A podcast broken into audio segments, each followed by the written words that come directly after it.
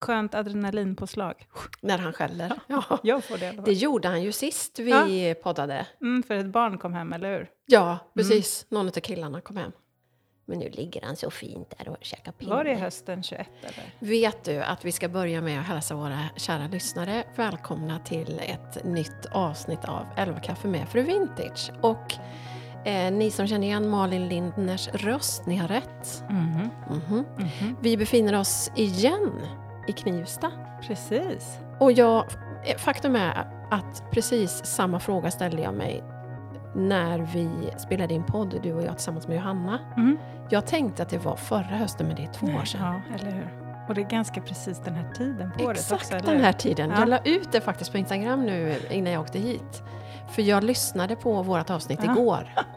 Jättetrevligt! Ja. Tips, tips om du inte har lyssnat igen. Nej, men nej, jag tror inte att jag har... eh, Nej, jag har inte lyssnat på det Nej, alls. men det var precis den här Ja. tiden. Vi pratade om när får man börja pynta mm, för jul och, och liksom förväntningarna på jul och hur vi med traditioner och sådär. Mm. Men att det var två år sedan. Jag vet, tiden går. Tiden går. Och då pratade vi ju om eh, eh, pandemivoven Charlie. Mm. Ja, Som ju precis. är en labradoodle. Det är han. En eh, mini. Han är så perfekt i storlek har vi ju redan konstaterat. Eller hur? Han hoppar och pussar här när jag kom. Ja, ja. Jättefin. Men han väger typ 10 kilo. Känns väldigt lagom. Ja, inte mer. Nej. Det är ju som våran tax nästan. Ja, men taxar är ju köttiga. Ja. Alltså. Eller, ja. ja. fel Ja. ord kanske. Men, men han Korviga. Är ju, han är mycket fluff liksom. Ja, ja, ja. När man duschar honom så är han ju spinkig. ja. Ja. Jättefin. Mm. Ska du sköta dig där, Charlie? Ja, det ska han. Ja. Han och jag har dealat. Vad bra. Vad är dealen? Ja, han fick ju en pinne som Han han, fick en redan pinne ätit som... upp. Ja. Nej, men han gör ju som Stina, det ser jag ju. Ja. Han gnager av det gottaste. Ja. Men Sen- går han tillbaka sen? Ja, Mm. liksom okej då. Kan Blir det inte mer så Nej. får det väl duga. Ja. Men eh, Malin, Mm. Jag berättade ju för dig här innan att jag har verkligen längtat efter att podda och då berättade du att det har du också gjort. Ja, det har jag. Ja, Eh, så det känns ju så Ja. kul att du var, jag var ju rätt så liksom spontan. Och jag vill säga det till dig som lyssnar, jag får en del panikartade DMs och frågor. Har du slutat podda? För jag har Mm. ju inte släppt några avsnitt nu på ett tag. Nej, jag har inte slutat podda. Nej. Jag ska fortsätta. Men jag jobbar väldigt mycket med andra saker just nu. Får man som- fråga vad? Ja, det kan du få höra sen efter, Ja, när vi fikar färdigt. Oj, oj, oj. Men du som lyssnar får inte höra än. Nej. Så jag vill bara tala om att nej, jag har inte slutat podda, men det kanske inte blir lika ofta. Jag siktar på varannan vecka, Mm. annars har jag ju släppt ett varje måndag. Mm. Men eh, jag är så glad att jag får vara här hos dig Malin. jag är så glad att du eh, spontanfrågade. Ja, och att Jag du, gillar kunde. spontanitet. du håller på och eh, vrider upp tempot nu efter ditt eh, slöa höstlov, eller? Ja, faktiskt. Men jag behövde ett väldigt slött höstlov. Skönt. Ja, jag var, som jag eh, sa till min man, oktober var liksom bara ett stort djupt andetag. Så här. Och sen så eh, andades jag inte ut. Förrän oktober var slut. Men känner du att du har sänkt axlarna? Vad Ja. gjorde du i oktober? Ja, det, ja, Ja, eh, berätta. Jag eh, hade flera fotojobb och sen så skrev jag klart eh, en bok. Den ska vi prata ska vi mycket prata om. om alldeles Så strax. det, det var kanske så här eh, i efterhand, inte så klokt att ha den planeringen. Nej. Men eh, jag gör ofta så. Och jag har lärt mig att eh, jag funkar så. Du var ju på en fantastisk resa. Var Ja, det det var Frankrike eller Italien? Italien. Italien. Alltså, nej, men sen, jag var i Frankrike också. Du lyckas liksom norpa åt dig de där eh, Ja, fotografjobben det- på ja. sådana vackra platser. Det är ju verkligen... Är det du som väljer var de ska... Ja, nej. Jag har bara tur. Bara tur. Mm. Det, ja, jag var, började oktober med tre dagars bröllop i Toscana. Dröm. Ja, faktiskt. Det, ah, det Mm. såg så drömmigt Mm. ut. Gå in på Malins konto. Mm. Jag ska lägga ut fler bilder. Ah, gjort. Ja. Men så skrev du Mm. ju något inlägg här eh, och skrev att du var sen på bollen på en serie Mm. som hette någonting. Vad hette det? Drömmarnas hus. Drömmarnas hus. Vad är, Är du också sen på Jag bollen? har inte hört något. Oj, oj, oj. För den såg, Vad har jag jag, missat? den såg jag swisha förbi säkert för något år sedan i Jaha. sociala medier. Det är en tysk serie Jaha. på SVT Play. Ja. Eh, utspelar sig under början, eller åren innan och sen början av andra världskriget. Jag Aha. är helt såld. Så jag plöjde två säsonger på en vecka. Wow. Ja, Två säsonger, hur många finns det? nej, det fanns bara två. Annars hade vi inte suttit här. Då hade jag fortfarande suttit och Men hittar du någon ny sen då? För du Eh, efterfrågade ja, någon. ja, men det gjorde jag. Och den har jag också sett klart. Men nu ska jag faktiskt börja jobba. Du ska börja jobba. Nu Och göra det lite vettiga saker slut. i livet. Ja. Men det är, så, det är verkligen så här guilty pleasure för mig. Att få ligga i soffan och bara titta på någon riktigt Och bra det serie. är dröm när man hittar en sån. Ja, Sån var ju ehm, eh, Downtown Abbey. jag har sett den två gånger. Jag med. Jag har säkert sett den tre gånger. Fantastiskt. Ja, fantastisk. Mm. Eh, just när man har en sån serie när man bara längtar efter nästa avsnitt. Eller ännu hellre när man, som du då, upptäcker den efterhand och så Mm. kan man titta hur många man vill. Ja, I, liksom jag bara... Jag blir också så såld på eh, scenografin och när det är så vackert. Ja, Ehm, det, ja, det är jag. jätteviktigt tycker Ja. jag. Att med scenografi och omgivningar. Och Mm. Det är ju... det är halva grejen Ja, nästan. verkligen. Mm. Verkligen. Men vad, vad... Nu tittar du på den då, vad heter den, sa du? Den du kollar på nu? Ja, men den Den har du jag också kollat på? Det blev faktiskt den som jag föreslog själv. Ljuset eh, vi inte ser. Också på Netflix. Ja, just det. Jättefin. Mm. Mm. Men eh, ja, jag ska försöka att inte hitta någon ny då, nu. För att jag behöver jobba lite. Vad har du framåt då? Berätta. Ja, men det är eh, jobba undan lite gammalt. Och sen ta tag i och börja... Alltså marknadsföringsavdelningen i mitt företag måste vakna lite nu. Va? De måste steppa upp lite. Eh, marknadsföra boken. Och Ah. eh, marknadsföra... Alltså så här, när man driver eget, som jag har ändå gjort det i 12 år nu, så jobben kommer ju inte bara Nej, promenerande av sig själv Verkligen inte. man måste tyvärr ställa sig på, på barrikaden och Mm. säga att man Mm. finns. Mm. Och det... Jag börjar väl bli okej med det, men det... Ja. Men nästa vecka är det väl ni åker ner till villan igen? Mm. Åh, Mhm. Jag ska ha fotkurs. du ska få det. Och Anna Sylvan ska följa med. Ja. Ja, det berättade hon.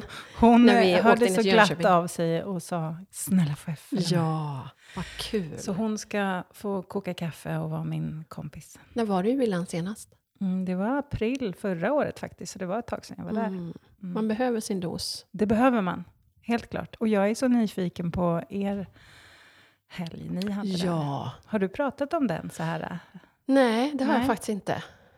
Har Mackan och jag gjort det? Nej, Nej, jag tror inte det. Nej, det har du rätt i. Mm, då är jag lite nyfiken. Jag kan bara kortfattat, Mm. för det finns ju så otroligt mycket att säga, men vi är nog fortfarande lite, håller på att hämta oss. Nej, men alltså det blev ju så sjukt bra. Så Ja. att Hur många par var ni totalt? vi var elva par Mm. och då var Katrin, inte Katrin utan Katja och Patrik Mm. Palmdahl inräknade. Mm.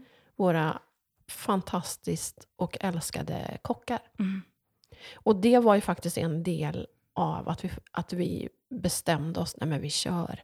Det var när Katja hörde av sig på DM och bara, vi kommer gärna laga maten om vi får. Mm. Dröm. Och det, det var ju, vi hade någon sån här otroligt dum tanke i början. För Mackan älskar ju att laga mat. Mm. Om han skulle laga maten och liksom sådär. Men det var ju för väl att Katja hörde av sig. Jag slängde ut frågan på Instagram. Mm. Finns det någon som, Mm. som kan tänka sig? Och då var hon ju snabb. Och de är ju så sådana tillgångar, inte bara Nej. med sin fantastiska mat, utan bara att få ha Som dem människor. med. Mm. Ja. Så de Mm. var verkligen en sån tillgång. Och Mm. det gjorde de klart också från början, att vi vill vara en del Mm. av deltagarna. Vi vill vara med på så mycket det bara går. Och det blev, det blev en så otroligt fin mix av par. Mm. I ålder? Ja, och i ålder och i... Ja, vart för man, är- ja, befinner sig, liksom, vilken säsong i och- livet. ja, mm. Och, och, ja, det blev så bra. Och jag är så, jag är så tacksam. Eller att jag var smart nog att, att eh, göra någon slags liten ansökan. Så man kunde ju inte bara... ja, betala sig, in och anmäla Man sig. fick berätta Ja. lite. Och Mm. det är jag väldigt glad Mm. för. För det var ju några som vi sa nej till. Där Mm. det, vi kände att det var så trasigt. Så att vi är ju inga terapeuter Nej. eller utbildade på något sätt. Utan det här är ju, var ju mer tänkt som hälsofrämjande. Ja, man men ska typ säga. så här, fördjupa Ja, sin relation. precis. Och, att man redan har... Isen har inte spruckit Nej, helt. precis. Nej. Nej, det finns en grund. Ja, men verkligen. Och det var det som var så otroligt fint att se. Dels att människor som inte känner oss är beredda att liksom punga ut med så många tusenlappar som det ändå blir. När man Mm. väljer ett ställe som villan, Mm. så det kommer ju med ett pris. Ja. Och det är ju jättemycket värt i konceptet Mm. Att vara där. Men det är ju inte vem som helst som kan, som har så många tusen som man vill spendera liksom, nej, med verkligen. okända Nej, människor. precis. Nej, precis. Har man så, så brukar man ofta vilja lägga det på någonting lite mer som man kanske vet. Precis. Något tryggt. Ja, För det är ändå lite otryggt Ja, att ge sig ut verkligen. Och särskilt, jag tror att det är extra, eller jag tänker mig det i alla fall när man åker som par. Ja, Det är en annan sak om man åker själv Ja. och man träffar människor som, som är i Mm. samma situation. Och man, men när man kommer som par så, Mm, väldigt Så är det, annorlunda. ja. Och det var ju väldigt det var ju väldigt roligt att höra, inte minst männen. Mm. För det var väl inte någon jätteöverraskning att jag tror att alla ansökningar kom ifrån kvinnan. Surprise. Surprise! Men då, vi, vi lite grann strök, slätade över det med att det är ju, de flesta som följer mig är ju kvinnor. Ja, men precis. Och, och det var ju så man hade sett Ja. att den här helgen fanns. Mm. Så att de är väl lite förlåtna, men, Mm. men samtidigt är det ju inte... Det är ju ingen surprise. Men då Nej. var det väldigt roligt att höra hur en del hade varit så nervösa innan. Mm. Vad är det vi ska åka på? Vad är det som ska hända? Och det förstår jag. Ja, det Och var ju därför ingen ju- paddelhelg direkt. Nej, och därför var vi, är, eller är fortfarande lite chockade över att folk faktiskt kom. Mm. Nej, men det blev så bra. Mm. Det var... Men varje, man hade lite egen tid också. Vi var ju, hur? precis, vi Mm. hade ganska mycket egen Mm. tid. Och det kom sig av att eh, några av paren hade frågat det innan. Hur, är det liksom fullspäckat program eller får man... Mm. Men det känns viktigt för oss också. Om man nu äntligen tar sig iväg så en helg så vill man ju också ge dem tid för Verkligen. vila. Mm. Och, så folk promenerade, badade i bastun, badade i poolen, Mm. hängde på sitt rum. Man satt, eh, fikade och satt vid brasan. Och, Mm. nej, det blev så bra. Det blev en så bra mix. Mm. Verkligen. kommer Ja. ni göra igen. Alltså, jag vet inte. Nu var ju det här en del av vårt 40-årsfirande. Att Mm. vi firar 40 år som par i år. Mm. Det hade varit jätteroligt och vi har haft en väldig efterfrågan Mm. efter. När åker ni det. nästa gång? Ja. Säg till, ja, vi vill följa med. Ehm, men grejen är att ska det bli någon förtjänst på det, som det ju måste bli Mm. om man ska ha det som en ett återkommande event, då behöver vi ta så väldigt mycket mer betalt. Mm. Så jag vet inte vad folk är beredda att betala. Nej. Nej, Å ena sidan. Å andra sidan så finns det ju alltid människor som har pengarna. Ja. Och som kanske inte berörs av tiden som är nu på samma sätt. Nej. Jag vet inte. Nej, så är det. Ja. Det är väl det att de kanske inte alltid är målgruppen. Att Nej, man men hamnar i det. exakt. Liksom. Precis. Mm. Är det klurigt det där? Det är klurigt. Mm. Vi får se.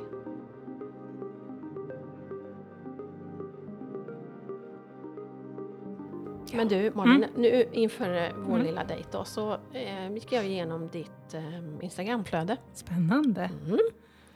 Och hittade ju vad jag sökte. Ja, du letade efter något. 28 april. Ringer det några klockor då? Nej. Nej. Jo. Jag kramade honom igår och tackade för tre omvälvande dagar. Men jag sa också, jag tycker du är obehaglig och jag är lite rädd för dig. Han skrattade och sa, jag gillar att vara obehaglig. Jag tänker att för en utomstående så låter ovan situation konstig. För mig är den fullkomligt självklar. För det som gör coach Holmberg obehaglig för mig är att han ser mig. Jag kan inte gömma mig bakom lager, bakom skratt, bakom vem jag vill vara. Han ser mig som den jag är. Och det är ärligt talat lite läskigt och helt fantastiskt. Idag dricker jag mängder av kaffe och försöker processa de tre dagar av utbildning som jag precis avslutat hos Alexander.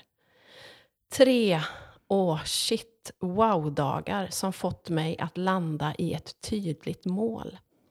Jag vet vart jag vill gå nu. Så min fråga till dig idag blir, vet du vart du vill gå?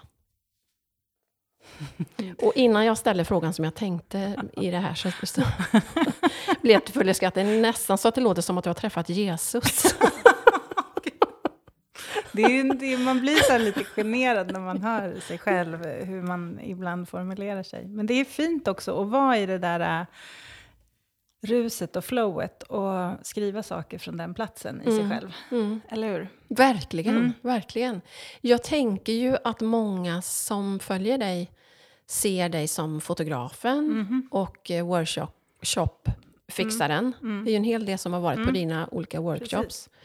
Eh, men här börjar det ju liksom hända... Annat, Vart ja. är du på väg nu? Mhm. Nu vet jag vart jag ska gå, skriver du. Gud vad spännande. Det är hit du vill gå idag alltså. Delvis. Ja, delvis. eh, nej men sen sist vi såg så har jag ju faktiskt gått en, eh, ut, en coachutbildning. Eh, jag har steg tre kvar. Eh, Inte sen sist vi sågs, men sist Nej, vi poddade. Okej, förlåt. Ja. Ja, Ja. Det hade ju varit sorgligt. Det hade varit väldigt sorgligt. På, två år. Ja. Eh, sen sist vi poddade. Mm. Eh, ja, coachutbildning. Eh, så jag har certifieringen kvar. Men är liksom, eh, har påbörjat resan. Och det är nog dit jag vill gå. Eller så här... Mm, Kanske en av vägarna, eller? Precis. Jag ska dela med mig av ett samtal som jag hade i, under försommaren med en... eh, Ja, men hon är typ som en mentor för mig. Ehm, och då gick jag och pratade med henne för att jag kände, jag kände mig lite förvirrad. Och jag kände mig spretig. ehm, och jag kände så här att, men får man vilja så här många olika saker? Hur, vad, vad, vad tänker folk om mig? Liksom, vad, hur ska man fatta, hur ska man förstå när man ska anlita Malin Mm, och vad hon mm, gör? För mm. jag kände mig så här... Ehm, och då hjälpte hon mig att inse att ehm, det jag gör är allt jag gör. nu skrattar jag generat igen. Men man får ta det för vad det är. Det resonerar med mig. Eh, och då delar jag det. Ja. Alltså det jag gör, oavsett om jag fotograferar eller sitter i samtal med någon eller håller en workshop, är att jag hjälper andra att hitta ljuset i sig själv. Och, ja, precis. Fattar och det gör du ju oavsett vad Mm. du gör. Precis. Ja, Det det är är, det. bara olika sätt. Det finns en röd tråd i det jag Mm, gör. mm. När jag fotograferar, när jag håller en workshop, när jag sitter i samtal med någon eller vad jag gör. Så är det liksom bara det att när jag fotograferar så är det som att då har jag haft en byggnadsställning. Jag har haft ett verktyg, jag har haft en kamera. Eh, för att kunna hjälpa andra att se ljuset i sig själv. Lyfta fram dem. Eh, när jag sitter i samtal, ingen byggnadsställning. Bara jag. Ja, just det. Ehm, så det, och då känner jag så att det var så himla fint att hon hjälpte mig att se att jag inte längre behöver en byggnadsställning om jag inte vill. Sen så ska inte jag släppa fotograferandet, för jag älskar att fotografera. Jag bara eh, adderar eh, sätt att, Ja. att göra det som jag vill göra. Ja, maker sense. Totalt. Mm. Fattar precis. Verkligen. Så, Och det maker ju mer sens när man har varit på någon av dina workshops till exempel. För då vet man ju att det är ju långt ifrån en fotoworkshop Ja. bara. för det, att fotografera är så himla mycket faktiskt att lära känna sig själv. Mm. Eh, för att om jag vet vem jag är så är det mycket lättare för mig att kunna locka fram någonting i dig när jag vill fotografera. För fotografering handlar om så mycket mer än liksom ljus och teknik. Eh, och det vill jag förmedla i mina kurser. Det det är det jag tycker är bland det roligaste. Och vad heter det, som nu när det är november och det börjar bli mörkt och alla klagar över att det inte går att fotografera och det är så jävla tråkigt och bla bla bla. Allt det där är ju så fantastiska små meddelanden till dig själv om dig själv. Jaha, du tycker det är svårt. Varför då? Och många blir så triggade av när man tycker att någonting är svårt. Mm. Man börjar känna sig rädd, man känner sig dålig och då skiter man i det. Istället för att typ så här, mhm, vad kan jag lära mig här? Ja. Du säger att när du vet vem du är, när du känner dig Mm. själv. Känner du nu, i 45 är du va? Mm. Att du vet vem du är? Ibland. ibland och ibland inte. Nej, men alltså det där tycker jag är ju så himla spännande. För att jag tänker att eh, för varje år som går så lär man sig någonting om sig själv. Det är... Eh, Tranströmer har en så himla fin dikt som jag inte kommer ihåg vad den heter. Men eh, kontentan är liksom att eh, valv efter valv efter valv öppnar upp sig i en själv. Och det är verkligen så Mm. eh, livet. Och, och jag tänker också sådär att ibland så kanske man, man ser inte mer än det man ser för att man inte ska se mer just nu. Eh, och sen så händer det saker i livet, man utsätts för någonting, man går igenom någon prövning eller någonting och så helt plötsligt öppnas nya dörrar. Och då ser man nya sidor i sig själv som man inte alls trodde att man skulle kunna sett innan. Eh, för att man var inte redo för att se Mm. dem då. Och det tycker jag är, ehm, det är skräckblandad förtjusning. För jag kan bli så här, nej men nu orkar inte jag lära känna mig själv mer. This must be it liksom. På riktigt, Ja. finns det mera? Eh, nu känner jag mig färdig, kan jag känna ibland. Eh, samtidigt som jag kan bli så här, eh, om jag tittar tillbaka, bara vad jag har lärt mig om mig själv sen jag fyllde 40, eller från det att jag fyllde 40 till nu, idag 45, så har jag lärt mig så otroligt mycket om mig själv. Och då kan jag bli så här, spännande att fylla 50. Men visst har du också förändrats väldigt mycket de här senaste åren? Ja. Eller är det att du mer har hittat dig själv? Jag tror att jag bara har skalat av. Ja. Eh, från att ha... Jag är inte lika sökande längre. Ehm, Vad menar du med det? ja, men precis. Med sökande så menar jag att man kanske... Ja, men om vi ska eh, bara dra en liknelse. Du vet att ibland så eh, blir eh, ett visst klädesplagg trendigt. Och så tänker man, ja det där testar jag. och så kör man på det tills man inser att men det där var ju inte alls jag. Nej. Jag vet min klädstil idag. Förstår du vad jag menar? Och det var ju roligt då, som en liten parentes, Mm. att jag var på väg att ta på mig samma blus som du har på dig. ja. Mm. Och det känns väldigt tryggt i att så här, jag behöver inte leta längre. Eh, jag behöver inte undra och jag behöver inte... Um, ja, jag känner mig ganska trygg i vem jag är med då eh, att vara öppen för att om ett år så kanske jag har upptäckt nya saker i mig själv. Um, men just nu känner jag så att jag vet vem jag är. Jag vet vad jag har för behov. Jag vet vad som gör mig lycklig. Jag vet vad mina triggers är. Jag eh, vet vad som gör mig arg och ledsen. Och ehm, det gör mig till en väldigt trygg person för att jag kan... Alltså, jag känner mig medveten om mig själv. Mm. Eh, så att jag kan liksom... Det är lättare att navigera i livet. Jag vet att du skulle nog kalla det för att, ehm, eller det gör ju jag också, att, jag, att man följer sitt hjärta. Mm. Och det, det, den, jag fick nog först kontakt med mitt hjärta runt 40-årsåldern. Förstår du? Mm. Det är så fint. Eh, det är någon som brukar säga att den längsta resan en människa kan göra är den mellan hjärna och hjärta. Och det är verkligen det. Och det är nog den resan jag har befunnit mig på senaste åren. Så det är inte att jag, jag skulle inte säga att jag förändrats, jag har bara blivit mer jag. Mm. Kan du se vad det var som gjorde att du kan säga idag att du hittade ditt hjärta? Hur har den vägen sett ut? Men den har varit rätt eh, trasslig, eh, skumpig. Um, um, ja, men på ett sätt så... Jag tror att som många andra... Alltså jag tror att vi människor är ganska lika eh, på ett sätt. För att Um, mycket av vårt sökande när vi liksom letar efter oss själva och vårt hjärta blir ju att vi börjar leta utåt. Um, så här, vad ska jag jobba med? Mm. Vem Mm. vill jag vara? Så. Och min resa var precis sån också. Att jag liksom, du vet, började utbilda mig till massa olika saker, började jobba. Eh, nej, men det här vill jag inte jobba med. Jag vill nog bli chef, jag vill nog göra ditt, jag vill nog göra datt. Mycket bekräftelsebehov.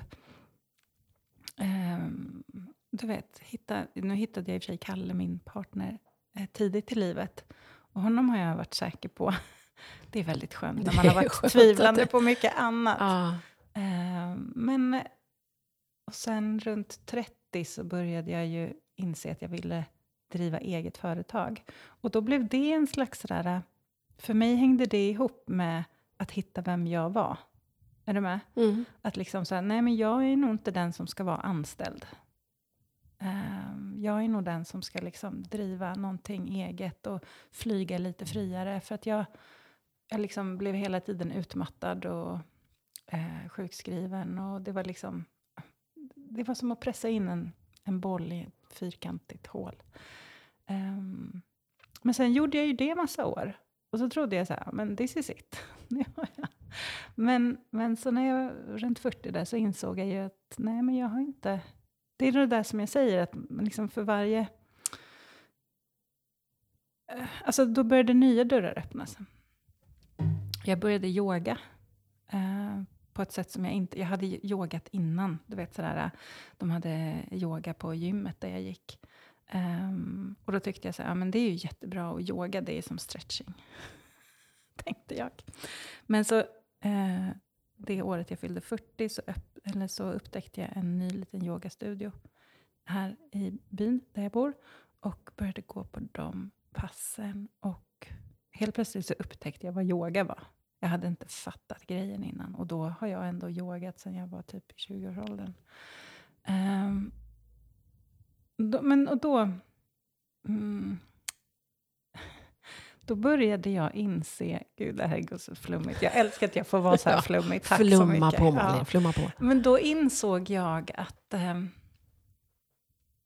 jag är en person som alltid haft väldigt mycket dödsångest, väldigt mycket oro. Ja, men, ja så. Eh, men då insåg jag när jag låg på yogamattan att eh, det handlar inte om mig. Mitt liv handlar inte om mig. Och i det ögonblicket så blev det ju liksom som att jag såg mitt ego och allt som hen har liksom eh, Egot har ju ett enormt bekräftelsebehov och vill saker och synas och höras. Och vi måste vara lyckade hela tiden. Och vi måste hit och vi måste prestera det där och vi måste dit. Och helt plötsligt så bara såg jag, alltså från att ha liksom haft ett väldigt starkt ego i mig så kunde jag liksom kliva åt sidan och se. Alltså, egot är fortfarande en del av mig. Jag tror inte på att man blir av med det. Men jag kunde liksom distansera mig. Och så här, mitt liv handlar inte bara om mig. Jag är del av någonting mycket, mycket större. Och i det ögonblicket så slutade jag också vara rädd. Eller blev mindre rädd i alla fall. Vad fint. Ja, Det låt, det är ju lite så, eller väldigt mycket så som vi pratar i kyrkan. ja jag vet. Att Och vara vi- del av någonting Ja. som är större än Och du och jag har ju pratat om det här, Ja. liksom, inte med mickar på, men och jag tycker det är så fint oavsett vad man kallar det. Mm. Att liksom, att få landa i det. Mm. Eh, ja, för mig var det jättestort. Och någonstans så gör det ju också livet mer meningsfullt på något sätt. Mhm. Eller jag, jag tror ju på att vi alla har något slags syfte eller mening. Eller liksom, och det väljer jag att tänka för att jag tycker att det är skönt att tänka så. Man får ju tänka vad man vill. Det Mm. är ingen som vet. Nej. Eh, och då tänker jag att vi är alla här av en anledning. Mm. Och, um, och det känns bra. Och då, då känns det också som att så här... Ja, nej, jag ska inte gå in på döden. Men att, att eh, jag får vara här så länge jag behövs. Mm. Mm. Så då behöver jag inte vara rädd. Varför ska vi inte gå in på döden tycker du? Nej. Det är Äh, så många avsnitt kanske. Nej, det var nog mer att jag... Så här, "Uff, orkar jag det? det var mer det. Jag drack ju elva kaffe med en tjej för ett tag sedan, eller Ja. ganska länge sedan nu, som älskar att prata om döden. Mm. Lotta Gray, Ja. Vimmelmamman. Och grejen är så att vi behöver prata om Ja, döden. för det är ju hennes devis att vi pratar alldeles för Ja. lite om döden. Väldigt mycket för Den lite. är ju en del av livet. Den är ju liksom... 100 eh, procent. Ja, det är Ja. det enda vi vet Mm. med säkerhet. Eh, så att jag, och i vårt samhälle, då pratar jag liksom Sverige, västvärlden. Det är som att vi lägger locket på. Som att det är så husch, husch. Mm. Och, så det är klart att man växer upp och är rädd för döden. Mm. För det är som, jag kommer ihåg eh, min yngsta son när han var runt sju, åtta och började inse det där med liksom att man kommer inte vara här för evigt och så. Han var så skön, för han bara, alltså mamma, vad händer när man dör? Jag bara, men det är ingen som vet. Så spännande. Det ska bli så spännande att se. Bra inställning. Ja. Nu är han inte riktigt där. Någon 15 och, ja. Men varför kan vi inte ha den inställningen istället? Nej, men verkligen. Jag har ju precis läst en fantastisk bok av Karina Nunstedt. Uff. Vi Ja. ses på andra sidan. Nej, men alltså, jag, Ja. jag vill läsa den. Och ja, för att dels ja, hon och ord, wow. Mm, verkligen. Mm. Verkligen. Och jag tror jag måste. Ja, det måste du. Ja, men jag är lite För rädd. hon, hon är ju en mästare som sagt med orden, men hon beskriver ju tiden innan och åren, nu då två år efter Mm. att hennes man Anders dog i cancer. Och det är ju mycket, mycket liksom död och, och vad händer sen? Och, ja, det är nyttigt Mm. ehm, att ställa sig de frågorna. Mm. Vad, inte minst tänker jag vad man faktiskt lägger sin tid på, vad man prioriterar och ehm, att man inte, eller ska man behöva bli dödssjuk för Mm. att och se över sitt liv och, och undra vad man prioriterar och vad man lägger sin tid på. Visst är det lustigt Ja. att vi människor ofta behöver krisa Ja. på något sätt för att, för att eh, se saker. Mm. Att vi, det är som att vi går med eh, såna här som hästar har. Inte bindel, utan bara de här skyddslapparna. Vi går med dem hela livet tills saker händer som tvingar bort dem. Mm.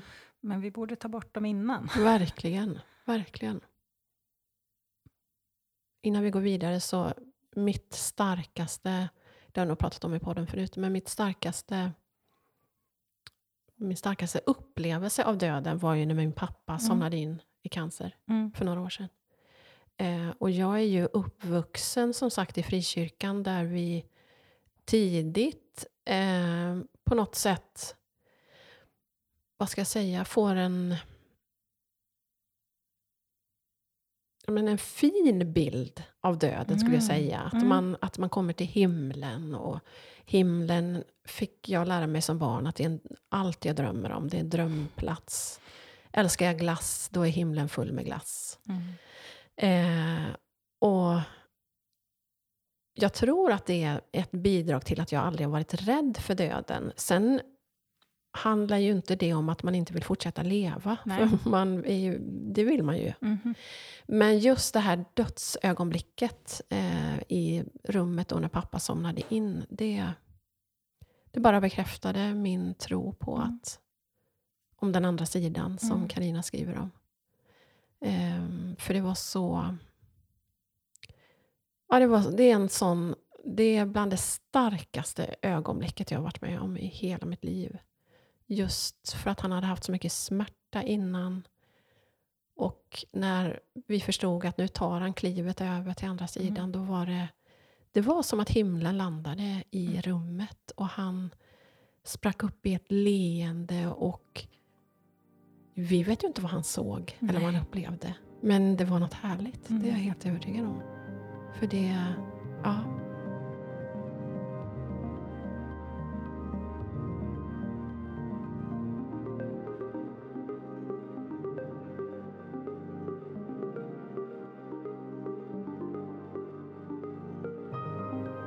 Får ta en till podd Jag tror det. prata om döden. Jag eh, går raskt vidare till eh, nästa Instagramlägg som jag tänkte att vi skulle... Det här var jättespännande. Mm. Att se vad du hittar hos Nu mig. kommer vi in på ämnet som vi ska prata en del om. Jaha. Jag fotograferar Mhm. människor. Det här är från 25 augusti 2022. Mm. Oftast och helst. Framförallt för att jag gillar mötet med andra. Att träffa andra lär mig inte bara om vilka de är, utan även om mig. Och eftersom jag älskar just mötet och andras livsberättelser så hittar jag ibland, så hittar jag ibland på olika projekt. Som det jag gör just nu. En bok om män. Eller med män, borde jag säga. Eh, och så skriver du då om att du träffade coach Holmberg och bla bla bla. Mm. Mm. Men det är boken. Mm. Berätta. Nu har den gått på tryck. Den gick på tryck Äntligen. den 25 oktober, äntligen. Åh, vad det satt. Men det blir lätt så när man eh, driver ett projekt själv. Eller man När man säga, inte har någon... när, när jag liksom- driver Ja. projekt själv. När jag inte har ett förlag i ryggen som ger mig ett datum. Utan Nej. jag måste sätta datumet själv. Då är det lätt att förhala på det och prokrastinera. Och jag gör det sen, men då. och Sen. Men eh, i slutet på sommaren så, så mejlade jag tryckeriet och så bara, okej, om jag vill ha den ute i slutet av november, när behöver ni? Och då var det 25 oktober. Så de är ju ganska snabba ändå, när de väl sätter igång. Ja, verkligen. Eh, men jag hade ju inte ens, jag var inte halvklar då. Ja. och hade massa fotojobb inbokade. Men jag, eller halvklar, jag ska säga, jag hade gjort alla intervjuerna till boken. Och eh, så. Så att jag hade ju eh, många timmar av material. Mm. Men jag hade inte direkt börjat skriva. Men vad heter den? Eh, vet du vad? Den fick namnet till slut Disruptors. Tjejboken heter ju Changemakers. Mm. Ehm, och jag ville ha ett engelskt namn för att jag kände att de, de hör inte ihop så. För tjejboken handlar mycket mer om att ehm, Ehm, där har jag liksom valt kvinnor som har valt kreativa yrken och ibland liksom valt att hoppa av ekorrhjulet och, och den biten. Det handlar mycket mer om deras yrken eh, och hur de har liksom vågat gå den vägen de har gått. Medan männen, ja men det är mer livsberättelser. Hur de har blivit de de har blivit. Och att jag valde titeln Disruptors är ju för att eh, jag tycker att de eh, utmanar bilden av vad en man är. Och hur en man ska vara. Mm. Spännande. Ja, Vi, var vi måste jag ju säga då, för jag fick Mm. ju faktiskt vara en del, del i din kvinnobok, din tjejbok. mm. Då var vi 18 stycken. Mm. Hur många är det nu? De har landat i 13, har de blivit. Mm. Fint otursnummer. Nej, men 13 eh, blev det till slut. Jag hade ju kunnat ha med hur många som helst. Ja, jag alltså det, det. det är ju jorden saknar ju inte fantastiska män. Det ska man ju vara medveten om. Mm. Eh, men ja, och de här intervjuerna är djupare. Så det är mer text. Eh, och, Ah. Ja, och mer... Eh, jag har skrivit... Eh, jag, ska, jag, jag vill bara berätta. Alltså, boken, det den är, är ju liksom... Det är 13 stycken intervjuer med 13 olika män som berättar om, eh, ja, om sina liv. Eh, det är det boken är. Det andra var ju eh, intervjuer med kvinnor. Mm. Ehm, nu tappade jag bort mig själv. Men vi kan, plock, vi kan plocka upp tråden då och med frågan, vad, hur fick du idén? Ja. Det står i inledningen till boken. Och eh, idén kom sig faktiskt november 2021. Eh, för jag hade ju då 2020 gett ut boken om kvinnor och tyckte att det var jättekul och eh, fantastiskt. Och den sålde jättebra och fick väldigt varmt mottagande. Visst är den slutsåld? Den är slutsåld. Ska du trycka den igen? Jag får se. Mm. Jag måste ha lite cash på Ja, kontot. precis. Ehm, ja, men i alla fall så låg det och skvalpade i huvudet att så här, jag vill skriva mer. Eh, visste inte vad. Ehm, och jag är väldigt så där öppen för att så här, ja, men vi får se vad som kommer till mig.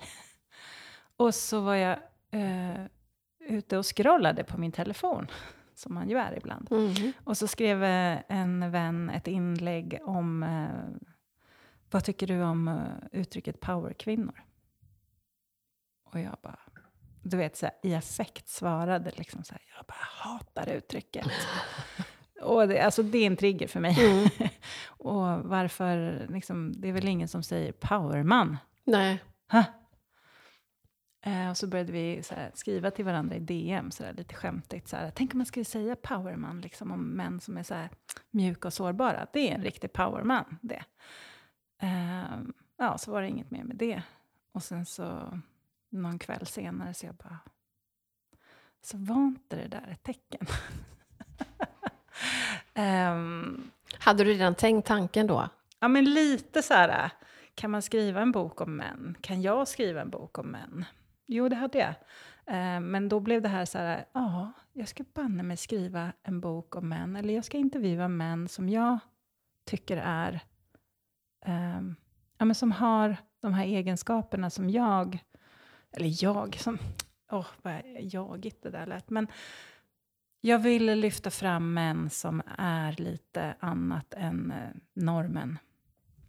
Och med det också hänger ju ihop med att jag är mamma till två tonårssöner som är 15 och 19 idag. Och jag tycker det är så spännande att se vad de har för manliga förebilder. Och då vill jag säga, jag måste addera lite män till de här. jag måste visa Ja. att det finns mer än eh, eh, fina bilar, klockor, pengar på kontot. Det är inte det kanske livet alltid handlar om. Och vad är en bra manlig förebild för dig? Oj. Vet du, um, undertiteln till Disruptors är ehm, Män som förändrar världen genom att... Vad säger jag? Män som förändrar världen genom att lyssna inåt. Um, jag skulle... Jag, kan ju prata hur länge som helst om det här. Um, de har en stark inre kompass. Um, och jag ska säga, alla de här männen, för det, de är väldigt olika i ålder. Jag tror den yngsta är 26-27 och den äldsta är nog 62. Uh, alla har inte haft den här kompassen från början. Eh, vissa har varit liksom sökande och upptäckt det. Och jag vill visa det. Jag vill visa på att så här, man måste inte veta vem man är och vad man vill från början. Eh, poängen med livet är ofta att vi är sökande. Eh, men att man liksom i den här sökande processen ska lyssna mer inåt än utåt. Det är inte fel att bli inspirerad av andra och det är inte fel att ha förebilder och tycka att saker är coolt och mäktigt och sådär. Men bara stämma av ibland inåt. Mm. Så att du inte liksom eh, går helt vilse och inser sen... Eh, för det, om vi återkommer till det där med kriser, det är ibland i kriserna vi inser att vi har skidat åt helt fel håll. Verkligen, verkligen.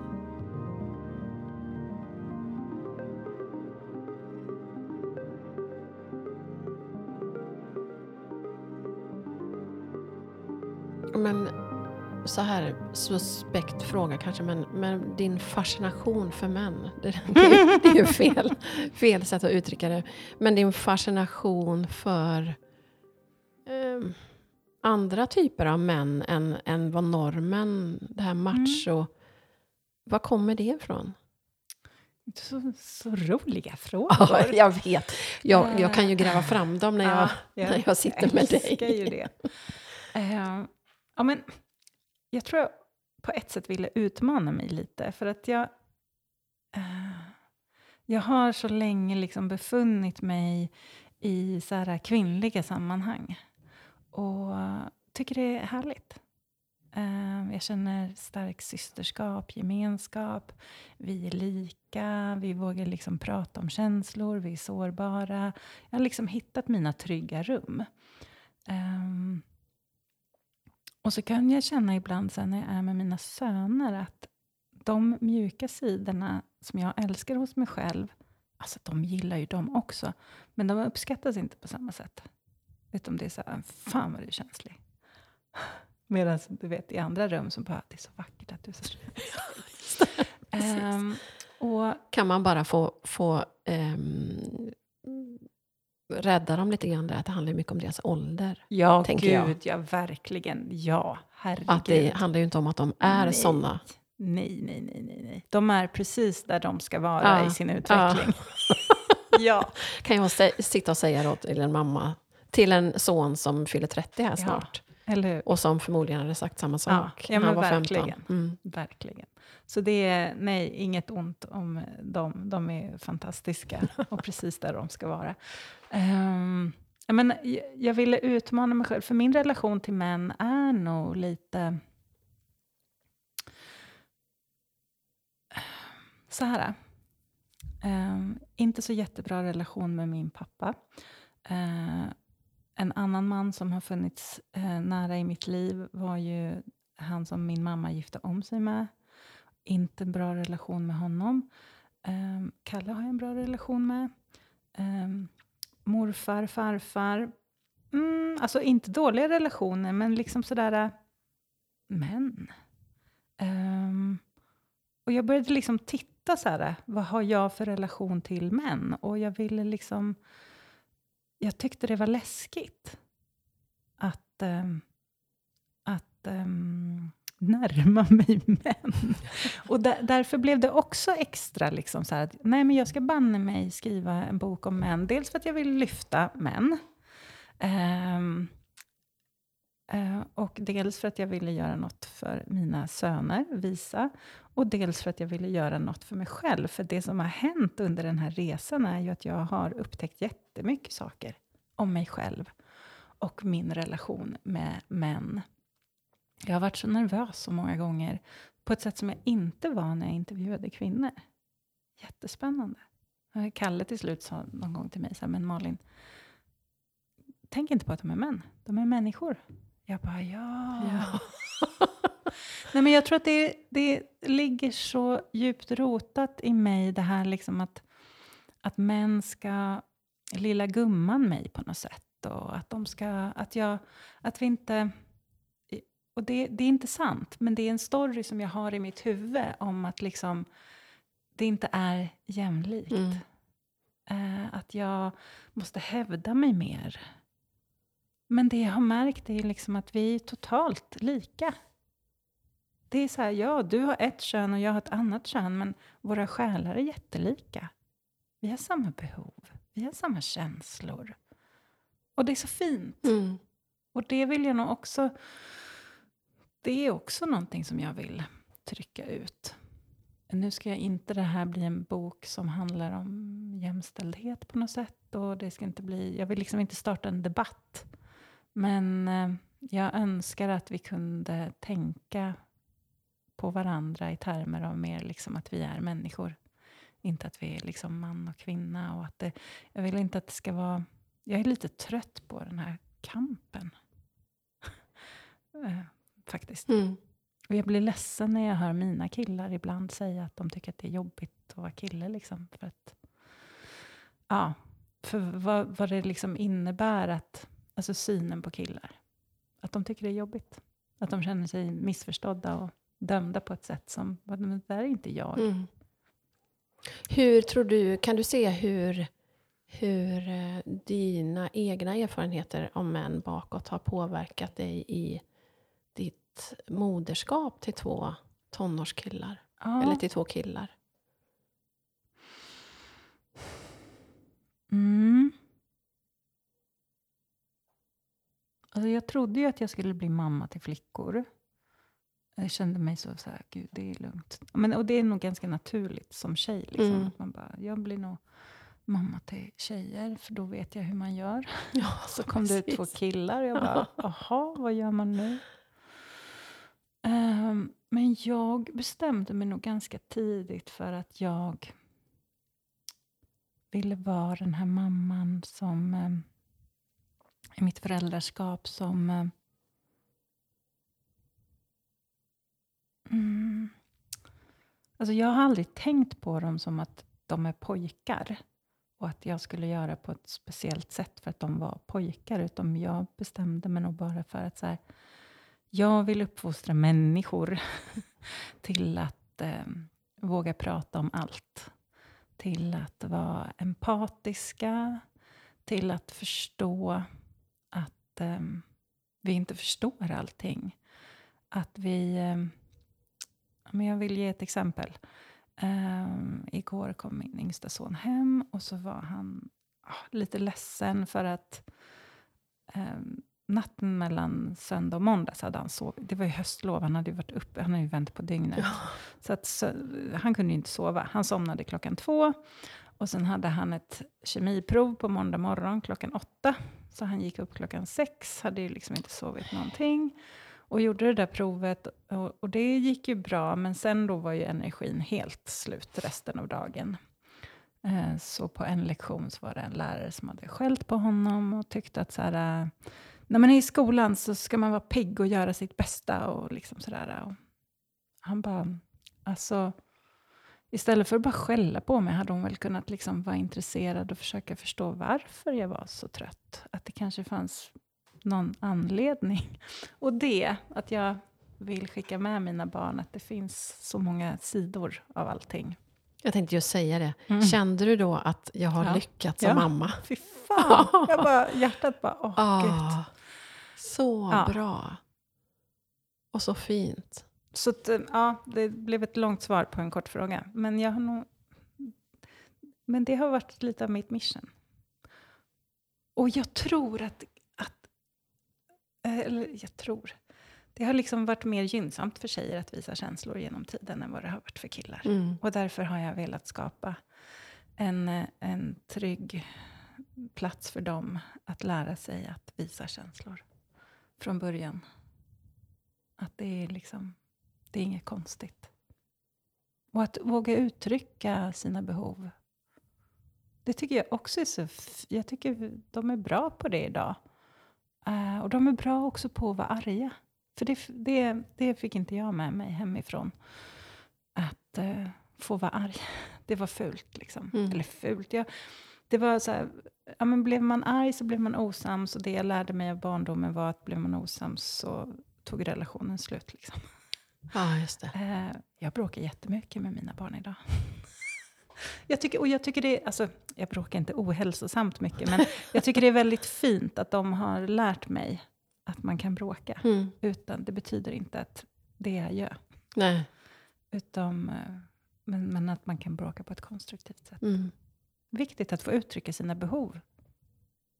Verkligen. Verkligen. Mm. Men du, när kommer boken? 27 november, men jag ska, då kommer den liksom i I handen. handen. Mm. Eh, och nu när du sitter här så känner jag så här, eh, ja nu får jag ta tag i, jag, för jag tänker att jag ska lägga upp den på hemsidan och börja med liksom lite förköp. Ja, Så, såklart eh, du ska. få igång den. Och jag måste börja prata om den. Ja, liksom. verkligen. Ehm, Vi har det- börjat idag nu. Ja, jag Ja. vet. Det är så bra. Tack. Ja. tack. Ja, varsågod. Ja, eh, så bra. Nej, men så att, eh, och sen tänker jag att jag under december, januari får åka ut på lite turné med boken. Eh, dyka upp på lite olika ställen. Och då tänker jag också att jag faktiskt ska bjuda in män eh, som är med i boken till de här olika och ha så en samtalskväll med Ja. Malin och Micke. Ja, jag kommer. Ja, du jag kan följa med dig. Nej, men ja, så. Ah, Bara för att det är härligt också. så bra. Mm.